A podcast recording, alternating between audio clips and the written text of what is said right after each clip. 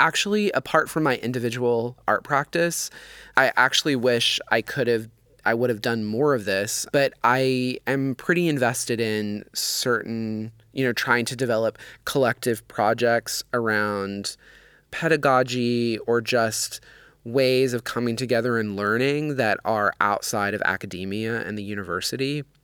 And the first moment that I was involved with something like this was actually when I was living in Los Angeles. And when I was doing my MFA at UCLA, there was this guy who was around at the time who had actually studied in the same department as me at UCLA named Sean Dockray. And Sean Dockray started the first public school, which was in Los Angeles, close to downtown in Chinatown. You know, I was close with Sean at the time and I started going to their classes and got really involved. And the premise of the public school is it's all kind of organized around a website. And basically, anyone can propose a class on anything. And you can propose a class and be like, I would love to take this. Does anyone want to teach it? and then they have to find a teacher or you can be like i would love to teach this class and then basically you know however many people are signed up on the website as long as enough people express interest they're like, okay, we're going to run this. And then there's a public discussion about, like, oh, how does like this time on Tuesday evening sound? And you kind of figure out a time and then it happens. So I taught a queer technologies class actually at the public school when I was in LA. And it was really amazing. And then it kind of like really, like I was there right at the beginning and then it really just took off. And all of these branches of the public school opened in like Berlin and Puerto Rico and New York. And of course, like I think that was possible because of the website. You know, the hub was this website, and basically you could add extra, you know, it was very easy to add extra institutions to it. And then it was really interesting because when you went to that website, you got to see what was happening at all these other public schools in all these different cities. So eventually, when I ended up moving to this small town in North Carolina, I asked Sean if I could start a branch there because it was a town that was very dominated by the university.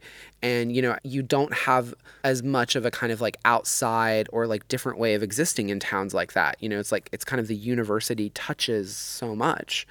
So, um, yeah, with a group of, I feel it was a large group of people, maybe 10 or something, we launched this version of the public school there. And even though some of the public schools had kind of stable locations, we decided not to do that and it was roving. And we would just partner with different, you know, art spaces, hacker spaces, community spaces, people's apartments, people's houses. We did events in all kinds of different spaces, like it actually kind of throughout the triangle area where Durham is. It's um, that larger area is known as the Research Triangle. So you have Durham, Raleigh, and Chapel Hill. Um, so we just did kind of events around all of those. And you know, it was like really fantastic, but it was quite challenging again because you're in this place where the university is so dominant that it was actually very challenging to get people coming that were outside of the university. You know, it was like there were people, you know, of course, like me, that were there, part of the university, that also wanted this other way of like engaging and being together. So that was challenging. And of course, it took time and it took, you know, outreach and meeting other people. And, you know, slowly but surely, it kind of became something that was more along the lines of what we were looking for or hoping to just cultivate. But yeah, it was d- difficult and tough. And then, you know, Durham is a transitory place. Like you finish your schooling and then you're gone. And of course, that's what happened. And I think it exists in kind of like a shell of its former self right now but you know, you, you know, I had to let go of that. Currently, you know, I'm I've actually been really longing for something like this again in my life, and I'm developing a project that's tentatively called the outside. I think that's what it will be called, and and I can talk more about that conceptually, but probably you already have a sense of like what the outside is attempting to evoke.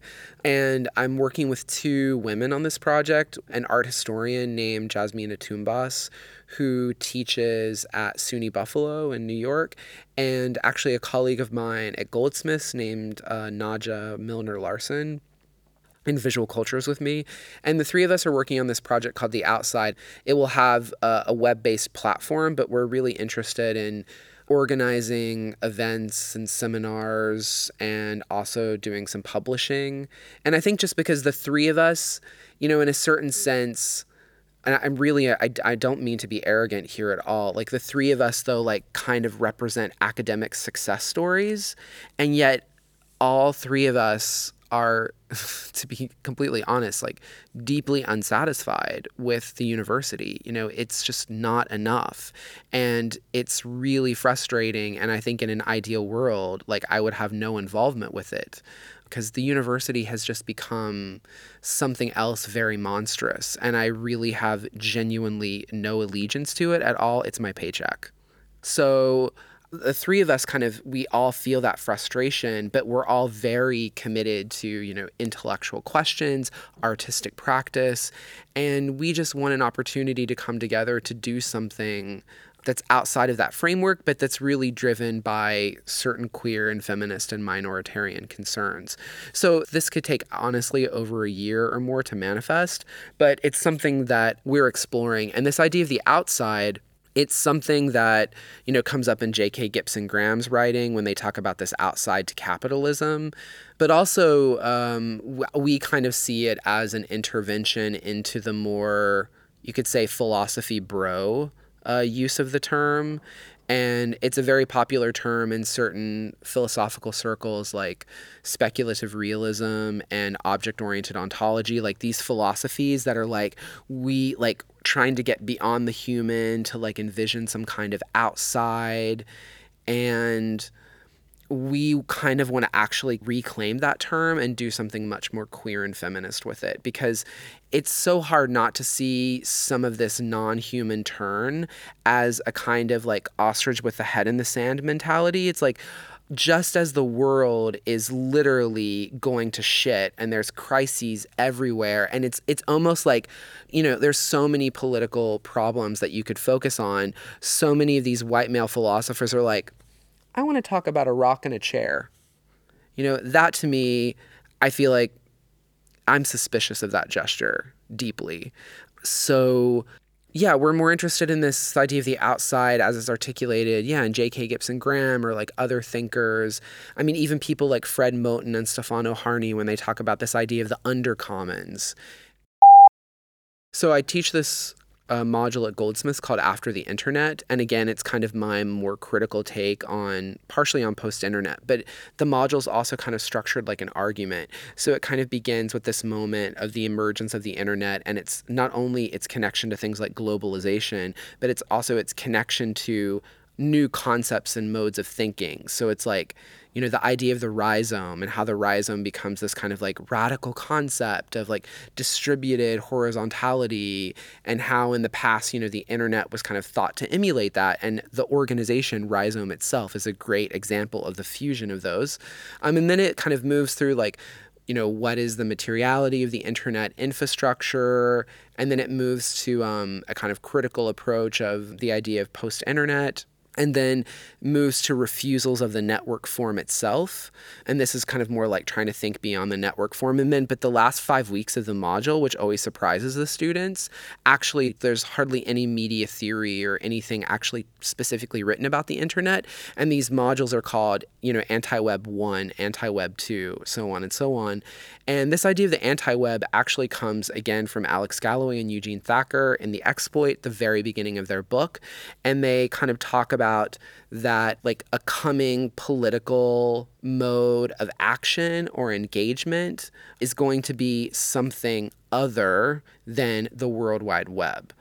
So this again, it's kind of this idea of anti-web. I think it's another way. It's it's a different variation on this idea of contra-internet. You know, it's kind of saying like coming political action will have to actually break apart from the way that the internet kind of like operates. And one thing that's super interesting to me with this and like different kind of theories that have been put forth recently there there have been um, a lot of interesting critiques of the idea of the rhizome you know in the sense that it's also very interesting this kind of deep popularity of Gilles Deleuze today, and there's almost like an industry out of his thought. But and you know everyone's like, oh my God, becoming, multiplicity, horizontality, and then you know it's like, well, it, I think it's like not a far stretch to describe Google as a rhizome. So the kind of point is that those ideas by Deleuze and Guattari were developed at a very particular historical moment in time. That is not where we are now. Things have radically changed. So I don't understand the just grabbing onto an idea like the rhizome and being like, yay, this is like still like our vector of like being subversive and it doesn't make sense. And I think, you know, I think that's right about this idea of the anti-web because, you know, it's been theorized, you know, that's partially, I mean, the, you know, the internet works through like horizontal distribution, but of course there is a verticality to it. So I think this is this idea of the anti-web that there needs to be like other kind of formulations that are able to kind of critique and deal with the way the internet, you know, like the way that power works through the internet technically. And so yeah, that those sections on the anti-web in the module that I teach are like mostly organized around queer and feminist writings.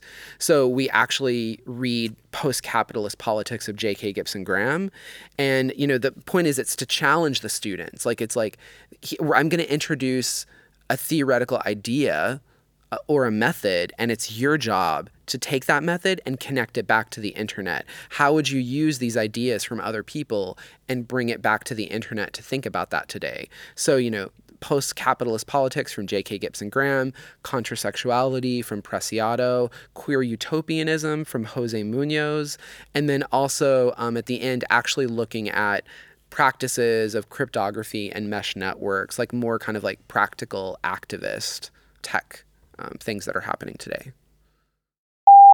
I love the Gay Bomb Manual, but I made that when I was 25, 24. I'm 34 now. I look back on that and I'm like, wow, I was really feisty.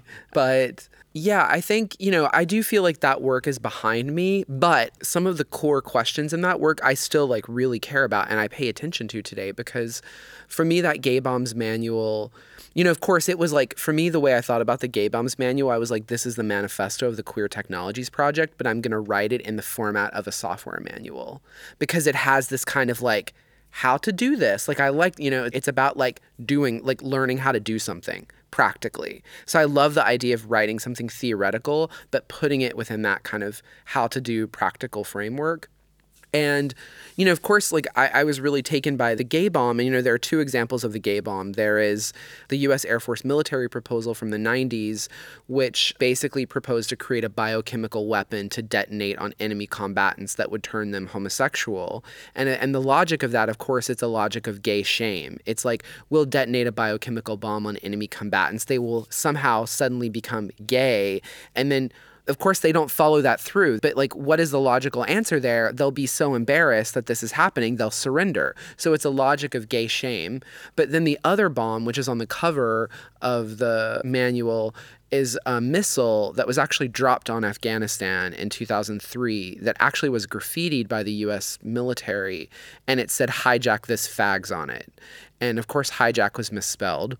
But, you know, the point is that, right, there was a conflation with fags and this like terrorist other in the Middle East. And I was like really kind of fascinated by these two examples. On the one hand, a conflating, you know, of fags as this like terrorist other. But with the military proposal, there you have the military literally appropriating homosexuality as a weapon that can serve the nation state. It's like turning homosexuality into a nationalist weapon. You know, didn't really see that one coming. And that is pretty fascinating this like weaponization or militarization of homosexuality.